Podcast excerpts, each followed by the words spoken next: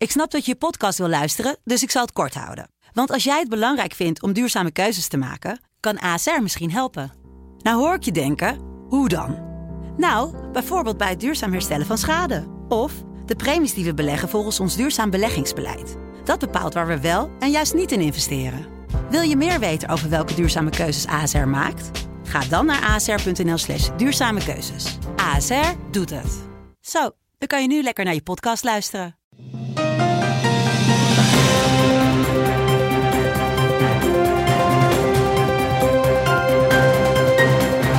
Dit is een podcast van de Telegraaf. In het land van Wierduk met Robert Ophorst.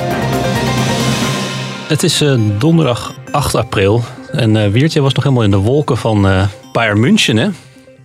Ja, die speelde gisteren tegen um, Paris Saint-Germain. Paris Saint-Germain is het, hè? PSG. En um, dat was voetbal van zo'n idioot hoog niveau. Uh, vooral Bayern, die dus uiteindelijk verloren, die waren zo krankzinnig goed, terwijl ze hun belangrijkste speler, uh, de spits Lewandowski, misten. En nog een paar mensen, meen ik. En uh, als je dat ziet, dan denk je toch van, jee, dat is het voetbal toch afgelopen jaren enorm vooruit gegaan. Dus dat mm -hmm. was wel een feestje inderdaad. Die uitslag ook 2-3. Ja. Dat vijf goals. En het was in de sneeuw, dus het was ook nog heroïs daar in Bayern. Dus dat was allemaal geweldig. Ik zat uh, gisteren nog een andere tijden sport terug te kijken over het mislukte WK 1990. Oh. Dat het WK was zo'n beetje volledig uit terugspeelbal op de keeper bestond. Ja, echt vrees. Het voetbal was toen echt uh, zo'n verschrikking geworden. Ja, wat dat betreft is ja. het voetbal wel veel uh, dynamischer en beter geworden. Nou, dat wil ik zeggen, ja.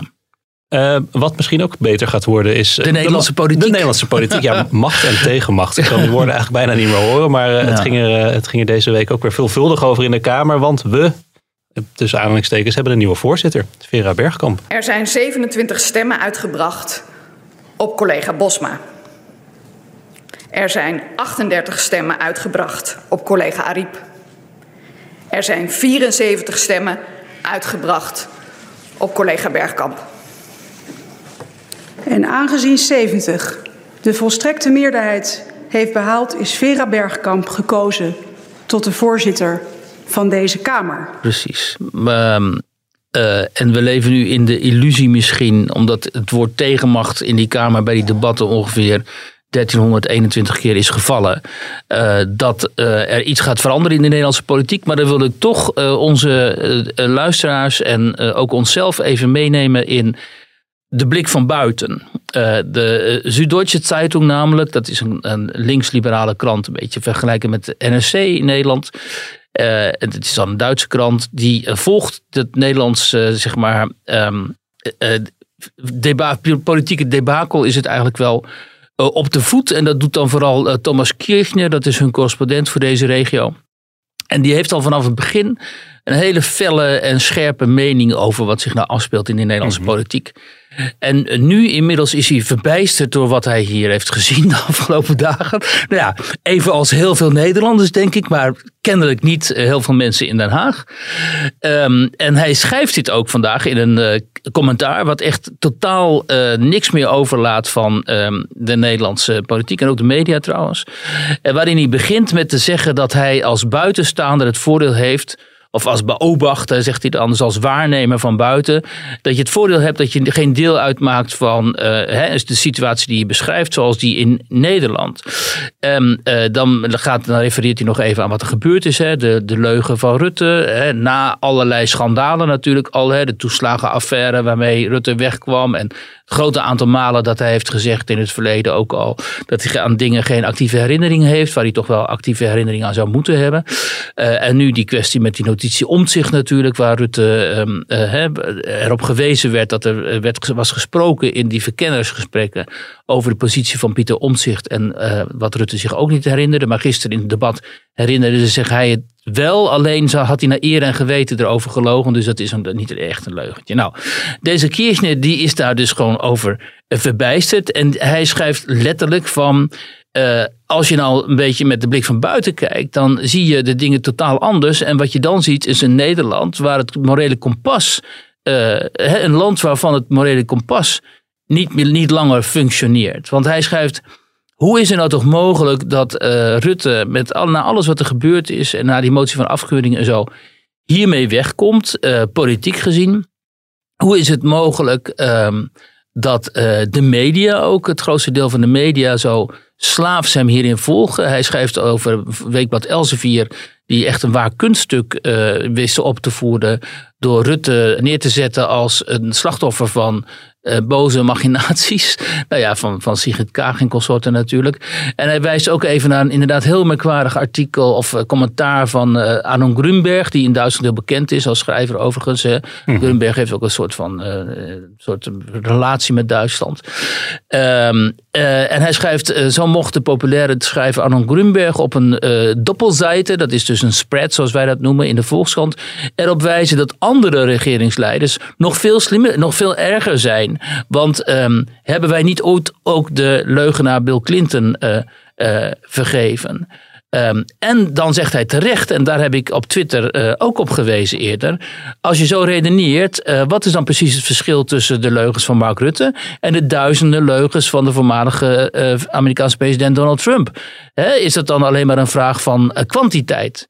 Um, maar dat mag je niet zeggen. Nou, dat mag je niet zeggen. Maar als je dat beweert dus in Nederland, dan krijg je die hele meute van Rutte, Rutte-versteers over je heen. Die dan Rutte gaan verdedigen en zeggen: ja, maar dat was een leugentje om bestbril. En Trump is een psychopaat. En oh, dit kan helemaal niet deze vergelijking. Maar in de kern en in de morele kern en uh, Kirchner heeft het over het morele kompas, kan dat natuurlijk wel. Um, en wij moeten um, niet aarzelen om daar toch op uh, te blijven wijzen. Dus in die zin heb ik de afgelopen dagen en vooral gisteren ook toch wel met enige verbijstering kennis genomen van wat zich daar afspeelde in die Tweede Kamer. He, die, op, uh, die, die overduidelijke koehandel mm. rond de post van de Kamervoorzitter.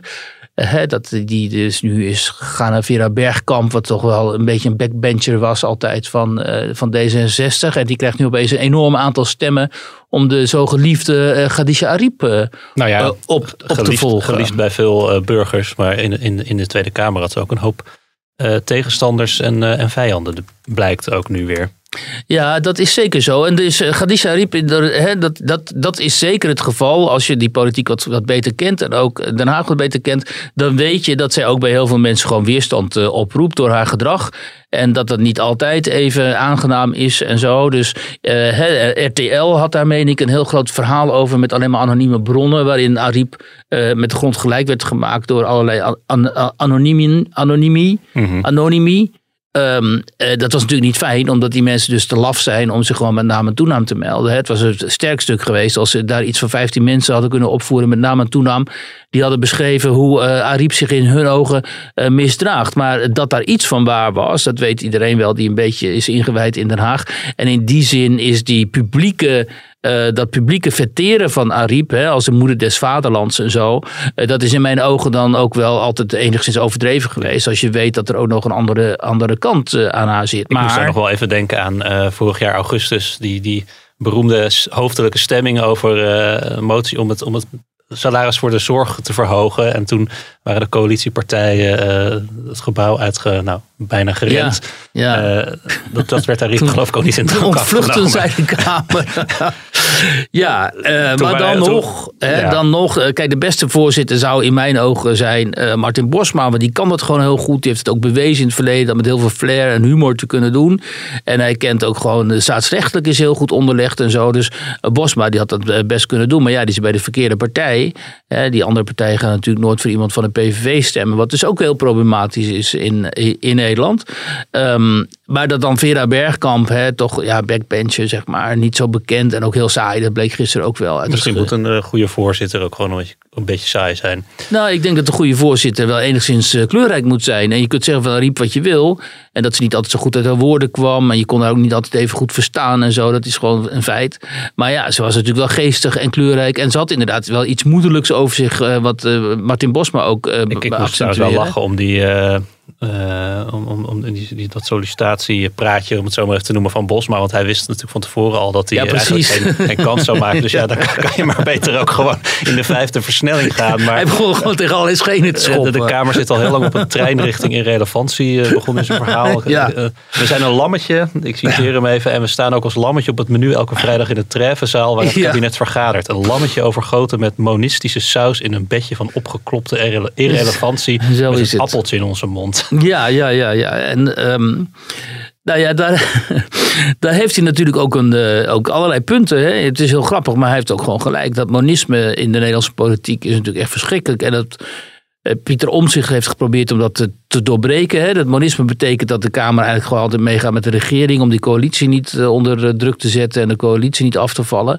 Waardoor je de, Kamer heel vaak haar controlerende rol gewoon vergeet of nalaat, hè, die, die te gebruiken of die in te zetten. En iemand als Omzicht heeft daar natuurlijk de afgelopen jaren heel nadrukkelijk op gewezen. Dat, uh, en dat is ook een feit. En uh, je, ik zou me als ik de Kamer was en Kamerlid en zo, zou ik me daar ook ernstige zorgen over maken. Maar ja, kennelijk niet. En um, Kijk, als er nou één moment was in de Nederlandse politiek de afgelopen jaren waarin we hadden kunnen zeggen: oké, uh, nu is het toch allemaal wel heel erg flagrant en heel erg uh, in die open, hè, wat daar bekokstoofd wordt, kennelijk daar in Den Haag. Hè, dus dat heel erg duidelijk wordt dat in de woorden van Baudet hier inderdaad sprake is van een kartel. Dan was het natuurlijk nu met die notitie omzicht. En dat heeft dus de Kamer laten glippen door die motie van uh, afkeuring in plaats van die motie van wantrouwen. Nou, die motie van afkeuring die is wel zo aangenomen, maar die blijkt dus helemaal geen uh, waarde te hebben. Omdat Kaag en Rutte met elkaar kennelijk hebben gesproken en hebben afgesproken dat uh, Vera Bergkamp dan Kamervoorzitter moet worden. En in ruil daarvoor gaat waarschijnlijk dan gewoon Kaag uiteindelijk toch in zee met een Rutte 4. Maar je denkt, denk, je, je denkt dat het echt zo gegaan is? Ja, dat kan bijna niet anders. En, uh, en ik denk ook dat in tegenstelling tot wat heel veel andere mensen denken, dat Rutte helemaal niet is afgeschreven, maar dat hij gewoon een, een nieuw kabinet gaat vormen. En dat uiteindelijk die andere partijen daarin mee zullen gaan, omdat uh, dat in het belang van Nederland zogenaamd altijd zo gaat. Mhm. En dan wil ik even wijzen op een goede tweet van Lex Hoogduin, hè, niet de eerste, de beste toch, econoom, die wij hier ook wel vaak aanhalen. Ja, we hebben altijd gelijk. Nou, maar Lex is uh, wel echt een hele, hele uh, voorname en uh, invloedrijke econoom. En zit bovenop die Nederlandse politiek ook. En um, hij schreef, wat, wat we hier zien, zegt hij, is de manier waarop Nederland meningsverschillen pacificeert. pacificeert, dat, dat, daar bedoelt hij mee, dus meningsverschillen bijleggen eigenlijk. Mhm. Daar hoort toedekken bij, gedogen, verhullen enzovoort. En het altijd overheersende gevoel van we moeten weer met elkaar verder. Ook het vermijden van echte fundamentele keuzes en uh, het committeren, pappen en nat houden is daar onderdeel van. En degene die daarin niet meer niet mee willen gaan, worden uitgesloten of weggewerkt. En Nederland is er rijk en welvarend mee geworden. Maar of en hoe lang dit houdbaar is met toegenomen fragmentatie en een 20, 30 procent van de bevolking, volksvertegenwoordiging, die wordt uitgesloten van de macht, dat is de vraag. Nou, dat is dus heel erg interessant, want Lex snijdt hier allerlei hele belangrijke uh, onderwerpen aan. Namelijk dat het in Nederland uh, consensusland en polderland altijd zo gaat. Dus dat je inderdaad uh, gewoon echt ook morele problemen gewoon toedekt. Hè, zoals in dit geval van het liegen omdat we zogenaamd met elkaar weer verder moeten en er moet geregeerd worden. En dan inderdaad het buitensluiten van uh, zo'n groot deel van uh, de bevolking. Uh, dat vroeg ik mij ook af. Dus toen ben ik eens gaan kijken van in hoeverre kan deze affaire nou gevolgen hebben voor het wantrouwen onder de kiezers, dus onder de burgers. want we spreken altijd over die enorme kloof die zou bestaan tussen uh, burgers en uh, politiek of burgers en instituties. Uh, die kloof van wantrouwen. En is het nou zo, dacht ik, dat met dit optreden van Den Haag, want het gaat eigenlijk niet alleen om Rutte, maar om die hele politieke kasten daar en een deel van de media ook, dat met dit optreden nu dat wantrouwen wel enorm zal gaan toenemen of misschien wel zo groot zal worden dat Den Haag uiteindelijk echt een probleem gaat krijgen. Eigenlijk kende je het antwoord toch al wel op die vraag. Want je hebt je hier eerder heel erg verbaasd naar de toeslagenaffaire over dat uh, de VVD toch weer de grootste werd. Daaruit bleek natuurlijk ook al dat het zelfs na zo'n schandaal het wantrouwen niet dermate is toegenomen dat uh, ja. Mark Rutte niet opnieuw uh, premier mocht worden van de kiezer. Ja, en, en mijn, met de vraag die daaronder ligt bij mij is dan Komt dat doordat burgers niet goed geïnformeerd worden? Dus dat ze bijvoorbeeld helemaal niet naar politieke programma's kijken. Dat ze misschien niet goed geïnformeerd worden in de talkshows. Dat ze geen kranten lezen. En dat ze denken, ach het is crisis. En we zien Mark Rutte en eh, Hugo de Jonge telkens bij die persconferenties. En volgens ons doen ze het wel goed, dus laten we hen er doorheen slepen. Hè? Dus ook door die verkiezingen. Of hebben die burgers echt daadwerkelijk gewoon vertrouwen in dat systeem en in de mensen die dat systeem vertegenwoordigen. Dus toen ben ik eens naar, voor mijn pagina, uh, donderdagse pagina, ben ik eens met Tom van der Meer uh, gaan praten. Uh, Tom is hoogleraar politicologie in de, aan de UvA hier in Amsterdam. nog jong, hè, nog maar 40. En hij schrijft dus, hij onderzoekt dus dat vertrouwen, dat politieke vertrouwen. Nou, als je dan uh, met zo iemand praat die daar gewoon heel veel verstand van heeft en daar veel over gepubliceerd heeft, dan kom je natuurlijk sowieso al in allerlei definities terecht. Hè? Wat is nou precies het politieke vertrouwen en zo? Een beetje te ver om dan precies daar hierop in te gaan. Maar wat, daar begint altijd elk onderzoek mee. Eerst de, de definiëring. Uh, precies, eerst de, de definiëring en dan, dan de stelling. Um, maar wat hij zegt is, uh, die aanname dat het vertrouwen in een land als Nederland zo laag zou zijn, die klopt helemaal niet. Hij zegt het, het vertrouwen in ons systeem is juist heel groot. Dus iets van 80% of zo van de mensen, als je die daarna vraagt, die zegt ja, we hebben vertrouwen in het systeem, in de democratie, in de procedures, in de democratische rechtsstaat. Mhm. Alleen we hebben niet altijd vertrouwen in de politici en in de partijen en in de regering die dat systeem uh, vertegenwoordigen. Eh, dus de vertrouwen van, uh, in het systeem op zich is 80%. En het vertrouwen van in parlement en regering is rond de 50%. Alleen die 50% is een stijging. Dus het is niet zo dat we komen van 70% en we gaan naar 50 of zo. Nee, we komen van lager dan 50%. En we zijn nu hè, sinds de jaren 70, 80 uitgekomen en schommelen we rond de 50%. Mm eh, dat is best hoog. Daarmee zit Nederland ergens zo rond ook de Noordse landen en zo. En hè, de, de, zeg maar de hoogontwikkelde westerse uh, democratie. Um, disclaimer is, dat zegt Van der Meer ook, het, in landen waar het vertrouwen in de, in, in de parlement en regering heel hoog is, dat zijn meestal autoritair geregeerde landen zoals China of Qatar. Uh, en hij noemde er nog een aantal, Singapore noemde hij dan. Landen waar je niet eens, als je het gevraagd wordt, zou durven zeggen dat je de regering niet vertrouwt. Azerbeidzjan, nou ja, dat zijn natuurlijk allemaal voorbeelden van heel autoritair geregeerde landen waarin je beter in je mond houdt als je al zoiets gevraagd wordt. Je moet, geeft dan een sociaal wenselijk antwoord. Dus hij zegt het is ook heel goed als het vertrouwen in eh, de instituties hoog is, maar niet zozeer in die vertegenwoordigers ervan. Want het duidt erop dat er een bepaalde mate van sceptisch is. En sceptisch is heel belangrijk of, of voor de kiezers om uh, uiteindelijk zeg maar uh, correcties uh, toe te passen. Maar dat snap ik allemaal. Maar dan is het toch interessant om ehm, uh, als je die ontwikkeling dan ziet vanaf de jaren 70, 80, dat ondanks ook alle schandalen van de afgelopen tien jaar in Nederland niet zeg maar, structureel het wantrouwen is gegroeid. Wat bijvoorbeeld in de Verenigde Staten wel het geval is. De Verenigde Staten is een van de weinige westerse democratieën Um, waar het wantrouwen sinds de moorden op Kennedy, op de twee Kennedys en op uh, Martin Luther King en, op, en sinds de Vietnamoorlog en Watergate en al dat soort schandalen en zo, structureel lager blijft. Dus dat mhm. is nooit echt hersteld.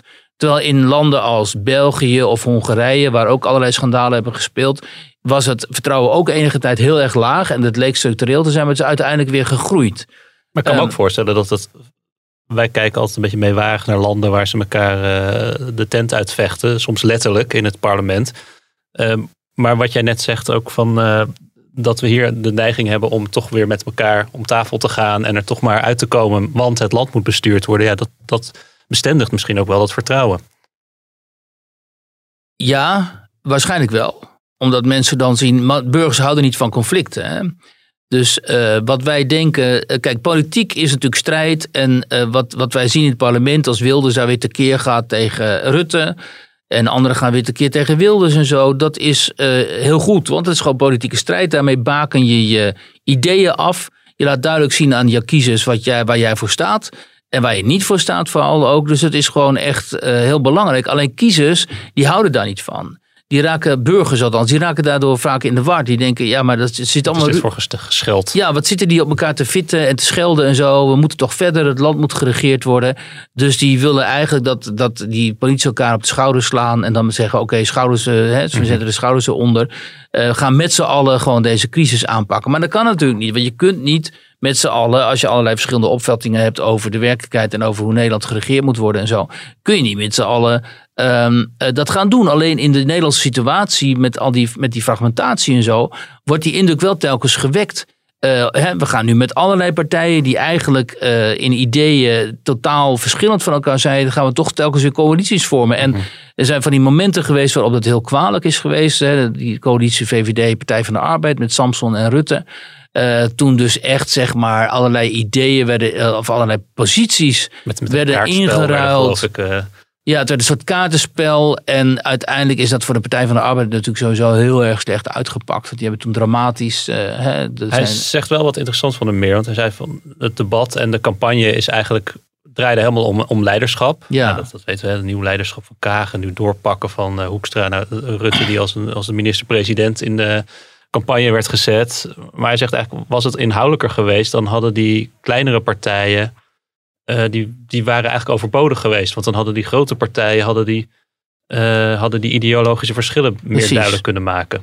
Ja, hij zegt van als het nou meer over ideeën was gegaan, dan had iets als die boerenpartij, die vooral zich richt op de problematiek van de boeren, of B1 van Sylvana Simons, dat zich vooral toch richt op racisme en zo.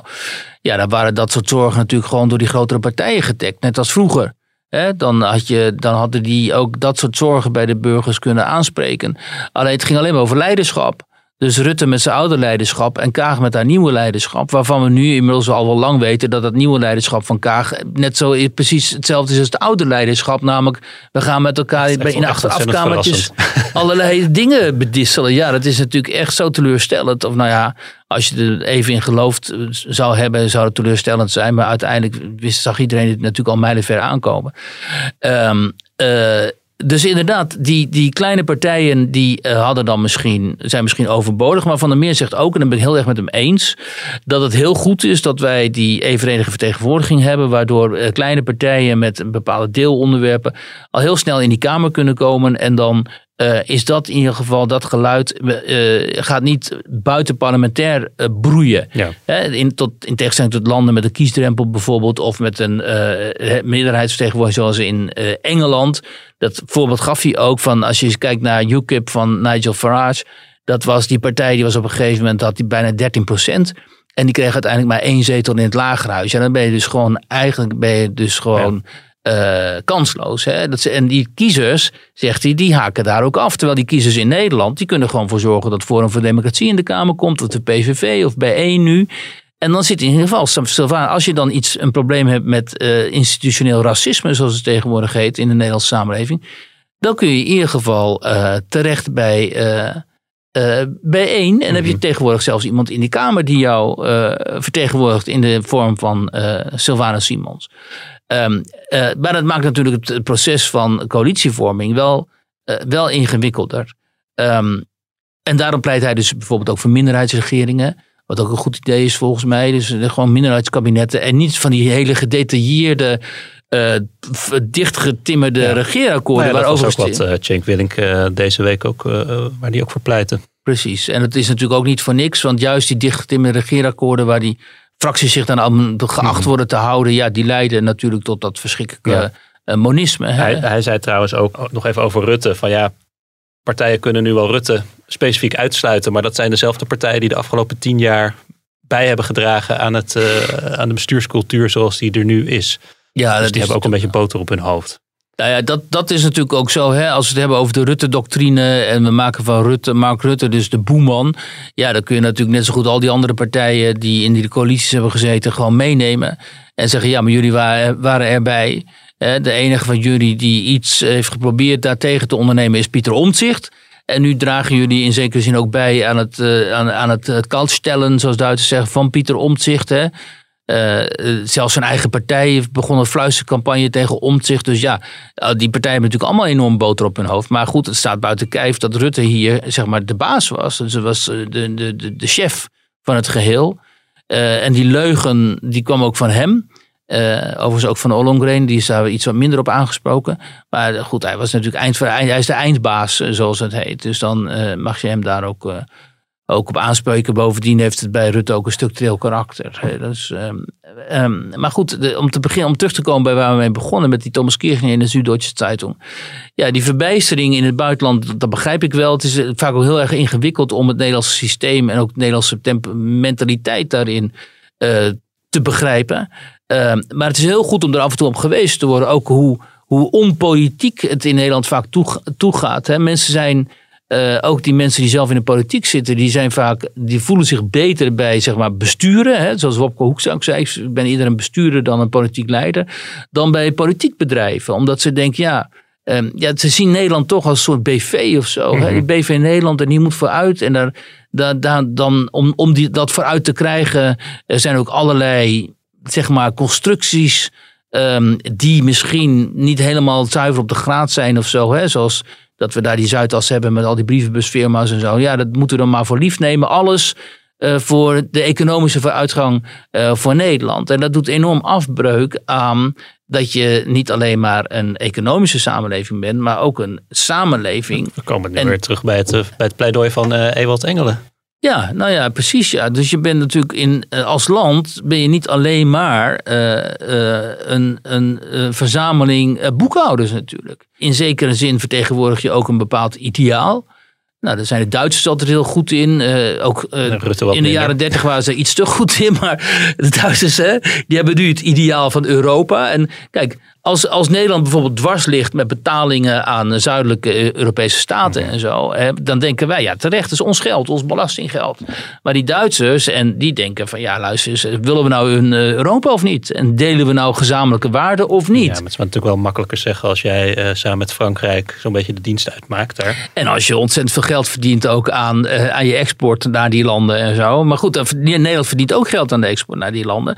Uh, maar wij staan er gewoon heel anders in. Wij zijn een land van dominees en en handelaren en koopmannen.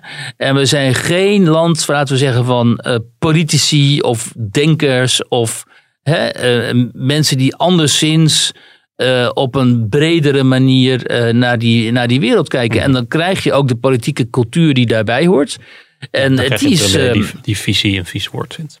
Ja, waarin visie een vies woord is en waarin je met elkaar dingen bekokstooft en hè, dingen uitonderhandelt en zo. En ja, en dat is voor mensen uh, die dan vooruit met een buitenlandse blik kijken, is dat af en toe uh, werkt dat uh, verbijsterend, want die zijn een hele andere politieke cultuur gewend.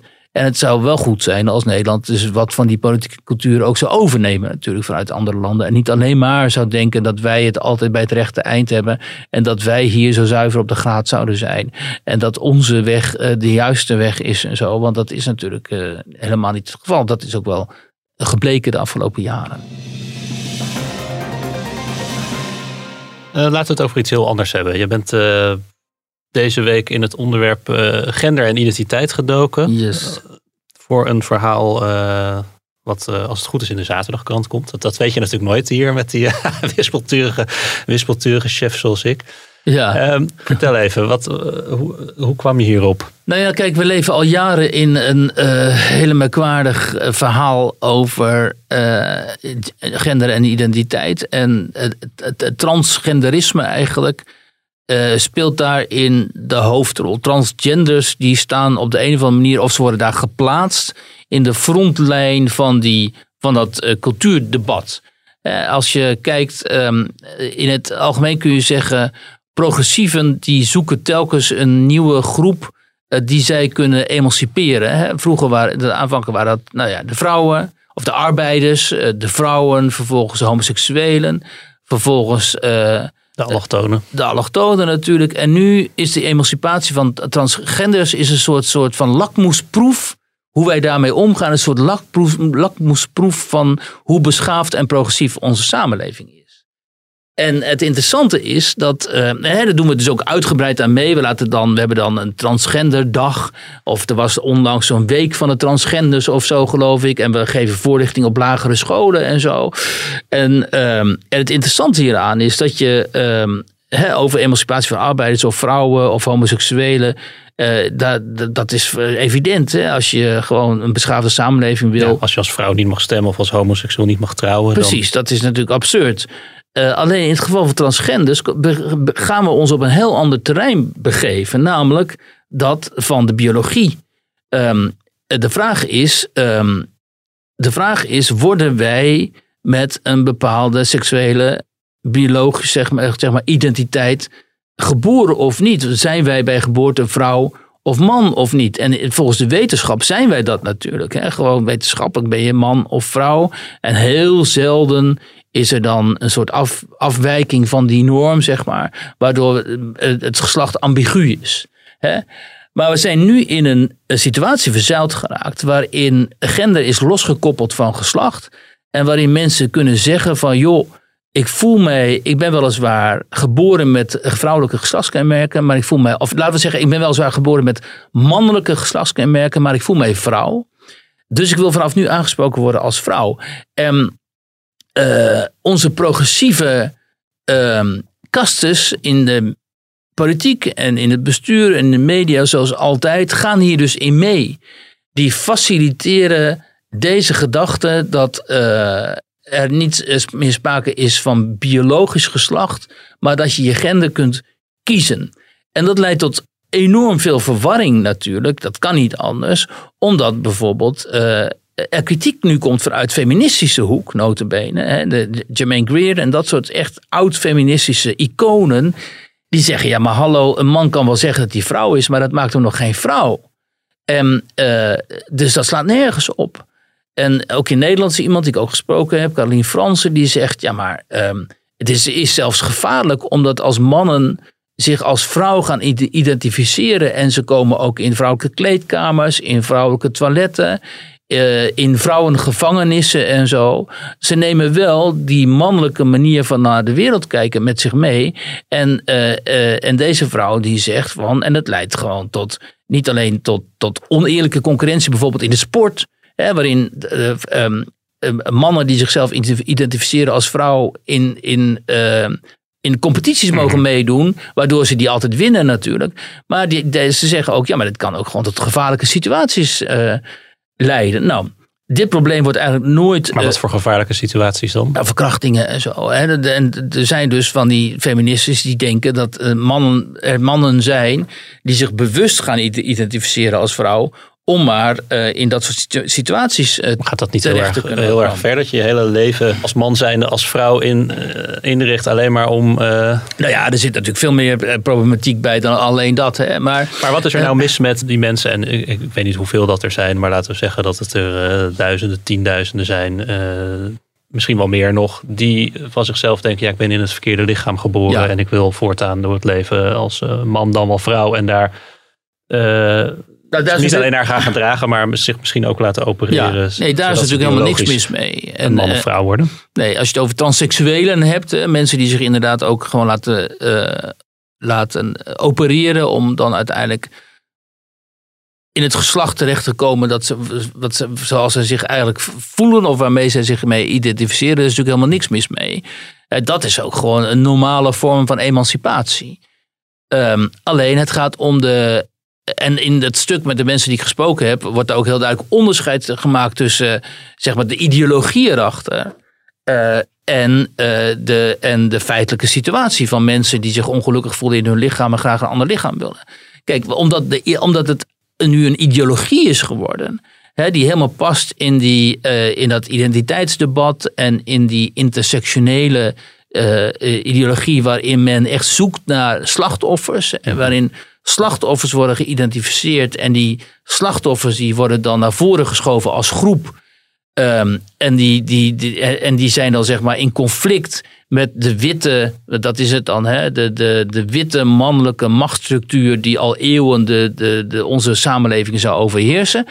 eh, het komt vanuit die ideologie. Ehm, die kan zo ver gaan dat, je dus ook, dat er dus eh, propaganda wordt bedreven. Dus dat eh, uiteindelijk op, op scholen, eh, in, eh, in de politiek en elders eh, gepropageerd wordt dat, het, dat heel veel kinderen bijvoorbeeld zich waarschijnlijk niet goed voelen in hun lichaam en zich zouden moeten uitspreken eh, over dat feit en zich anders zouden moeten voelen. En dan kom je dus bij, uit bij hele gevoelige pubers bijvoorbeeld of prepubers die sowieso al met hun identiteit worstelen. Ja. En als die worden overst- overstroomd met dit type eh, geklets, want dat is het uiteindelijk natuurlijk. En dit type eh, ideologische praatjes, omdat die docenten en zo niet als transfoob willen worden weggezet. Want dat is tegenwoordig nog erger dan racist. Als je transfoob bent, dan ben je pas, dan deug je al helemaal niet. Hè? Dus nog een soort nieuwe categorie. Het was aanvankelijk was je dus zeg maar nazi. Nou, dat is iedereen bijna tegenwoordig die niet die denkt volgens deze normen. Vervolgens ben je racist. Nou, dat is ook heel erg. Maar nu ben je transfoob. En als je dat bent, ja, dan ben je echt helemaal buiten de, de orde eh, plaats je jezelf. Hè?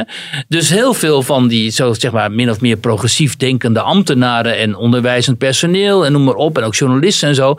Ja, die zijn als de dood om, eh, eh, om buiten die orde te vallen. Dus die gaan er helemaal in mee. En die gaan er mee in het, in het denkkader van een hele kleine groep hele fanatieke mensen. Hè, Het interessante was bijvoorbeeld, ik luisterde naar een radioprogramma waarin die Caroline Fransen, die ik heb geïnterviewd, die eh, begon daar ehm, eh, haar verhaal te houden tegenover twee eh, transgenders. Of in ieder geval één. En waarin zij zei, ja, maar u kunt wel zeggen dat u vrouw bent, maar u bent geboren als man. Dus in mijn ogen bent u nog al- altijd een, een man. Eh, en toen zei die vrouw, ik ga aangifte doen morgen. Zei ik, Waarvan dan? Ja, omdat je mij een man noemt. En ik ben geen man, dus dat is smaad en lasten wat je hier, hier pleegt. Prima, cisvrouw, ga dus verder. een tegenstelling tussen cisgender en transgender vrouwen. Maar we zijn allemaal vrouwen. Nee, we zijn nee, Nee. transgeïdentificeerde mannen is mijn- zijn ja. mannen. Ik, eh, ik denk dat ik aangifte ga doen eh, morgen. Want? Van discriminatie door mevrouw Fransen. Want? Nou ja, mevrouw Fransen vindt dat ik gediscrimineerd mag worden als vrouw. Op grond van mijn geslachtskenmerk, op grond van mijn genderidentiteit. En dat is verboden in dit land. Dus zo verhit is dat debat.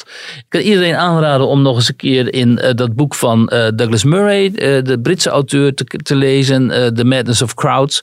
Dat gaat over de, de, de waanzin van de massa's eigenlijk. Wat de afgelopen jaren over ons heen is gespoeld. Dus het in- gaat verder, zeg jij dan gewoon. Hè, want je hadden, eh, onlangs was de week van de lentekriebels. Dat is dan een, een van de Rutger- Stichting Rutgers. En de Ja. GGD die geven dan les op basisscholen. Nou, een van de themapunten geloof ik van dit jaar was dan eh, genderdiversiteit. Ja. Dat, dat is eigenlijk hetzelfde als dat je Dat komt op- hieruit voort. op basisscholen les geeft over homoseksualiteit. Of, eh, over, dat over- zeggen zij, maar dat is maar dus niet er hangt zo'n. Alles wordt teruggebracht tot racisme en discriminatie, zeg jij. Van het, het, uiteindelijk komt het weer terug op het punt dat, ehm, dat mensen slachtoffer zijn van Ja, de en- boze witte man, om het zo maar even samen te vatten. Ja, want de conservatieve boze witte man, die is natuurlijk zogenaamd tegen al deze, eh, tegen dit type emancipatie. Wat helemaal niet zo is, alleen dat wordt ervan gemaakt. Dus het is ook een heel schematisch beeld wat zij, wat zij schetsen. Hè?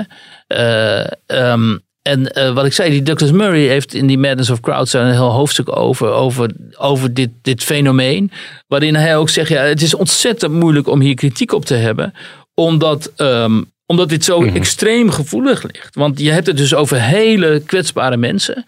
Mensen die in een situatie zitten waarin zij eh, zich niet thuis voelen in hun eigen lichaam. En die vaak door hele ingrijpende operaties moeten. En, en, en medicijn gebruiken en zo. Ja, die ga je natuurlijk niet afvallen. En dat is ook zo. Die moet je ook niet afvallen. Alleen je moet wel, en dat is volgens mij nog niet eerder gebeurd.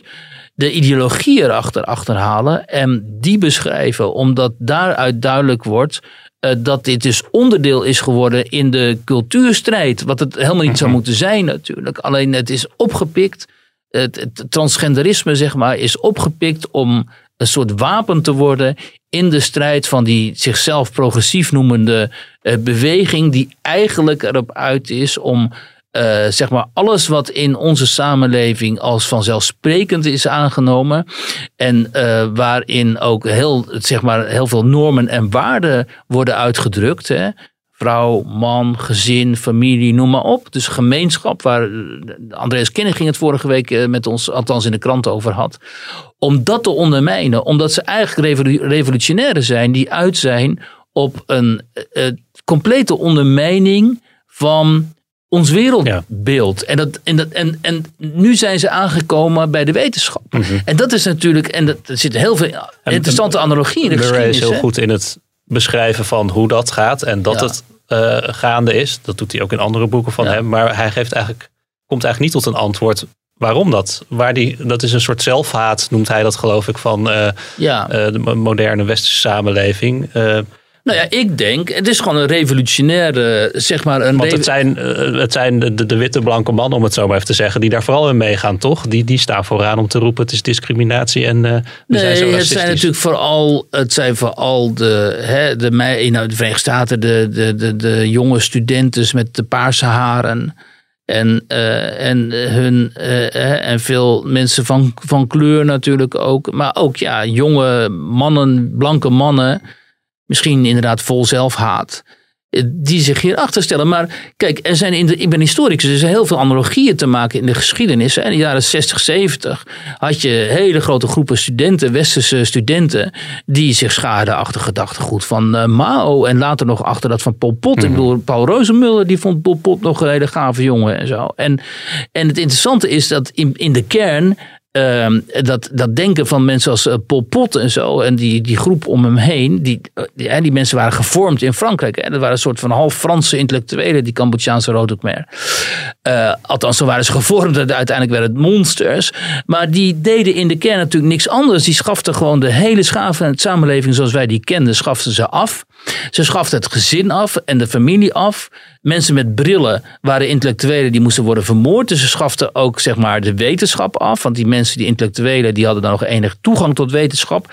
Dus ze schaften, hè, de westerse wetenschap werd afgeschaft. En daarvoor in de plaats kwam een heel andere, eh, een heel andere eh, samenleving. Hè? Daar hadden ze ook namen voor. En in Noord-Korea hebben ze daar ook namen voor, weet je wel. En in principe...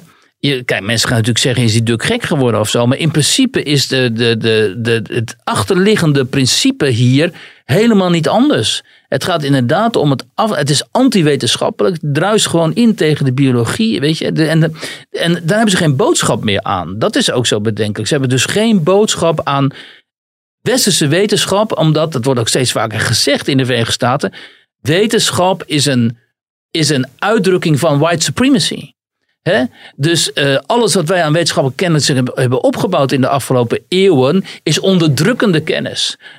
Iemand als Sylvana Simons zal dit beamen zelfs. Die, die denkt dit ook, dat die wetenschappelijke kennis van ons is uiteindelijk gericht op het instand houden van een onderdrukkende, kapitalistische eh, samenleving waarin de blanke man, en was ook de blanke vrouw, maar waarin witte mensen anderen onderdrukken en, tot die, en, en, de, en de meest onderdrukte mens nu is in hun ogen de transgender. Dus vandaar dat die dus in de frontlijn van hun revolutionaire strijd is komen te staan. En natuurlijk die GGD's en zo die, die voorlichting geven op Nederlandse school, die weten het allemaal niet. Of zo'n brave D66-wethouder ergens die dan zegt, nou het is allemaal fantastisch dat wij hè, nu eh, met de transgenderwet al die dingen mogelijk maken, want mensen moeten helemaal hun, zichzelf kunnen zijn. Hè. Op dat niveau speelt zich dat, die politieke discussie af. En die snappen helemaal niet, die begrijpen helemaal niet wat het onderliggende, eh, wat, het onder, wat de onderliggende ideologie is. Net zoals dat Mark Rutte ooit eh, Black Lives Matter uitnodigt bij hem in het katshuis, meen ik. Eh, en dus ook niet begrijpt dat ook Black Lives Matter uiteindelijk deel is van deze revolutie. Ehm, eh, en het feit dat, dat die mensen dat niet begrijpen, omdat ze dat gewoon te weinig over weten of te weinig over gelezen hebben of te slecht geïnformeerd zijn. Eh, dat is natuurlijk eh, best wel eh, zorgelijk, omdat dit, dit type denken gewoon zich meester maakt langzamerhand van allerlei instituties. Hè, de universiteiten, maar ook een deel van de media en zo. En, en noem maar op. En, en het, uiteindelijk maakt het zich meester van jonge generaties. Ehm, die zich ook zullen gaan, zichzelf zullen gaan censureren. En die bijvoorbeeld op een artikel zoals ik dat nu aan het schrijven ben, zullen reageren. Maar ja, maar dit is gewoon transfobie. Dit mag niet. Dit mag niet, zou niet gezegd mogen moeten worden. Dus eh, ik kijk er naar uit. Ik ook. We gaan, we gaan het hopelijk lezen eh, zaterdag. Nou, dank voor deze inktzwarte eh, beschouwing weer. Nou, ja. het, het ging al zo lekker. Nou ja, de lente, de lente heeft het ook weer zo snel laten afweten. ja, het sneeuwt buiten de vaccins liggen. Het, Ja, het plafond ja. opgestapeld. Maar vanavond en, gaat eh, Ajax winnen van Roma, dus dat is weer een heel heugelijk feit. Ja, Nou, op steunpakket loopt in juli af. We hebben, de formatie gaat nog jaren duren. Nee, nee, de Nederlandse samenleving gaat weer open per 21 april, weet ik toch? Of, eh, Ja, ja, ja. dat, dus, eh, als alles goed gaat. En dat gaat het tot nu toe altijd. Dus, we eh, kunnen weer naar de terrassen zo meteen. Dus eh, nee hoor, ni- niks inktzwart. ja, ja, dat, dat, daar houden we ons dan maar aan vast. Eh Wiert, dankjewel. Dankjewel Robert. En eh, iedereen eh, bedankt voor het luisteren. En graag tot volgende week.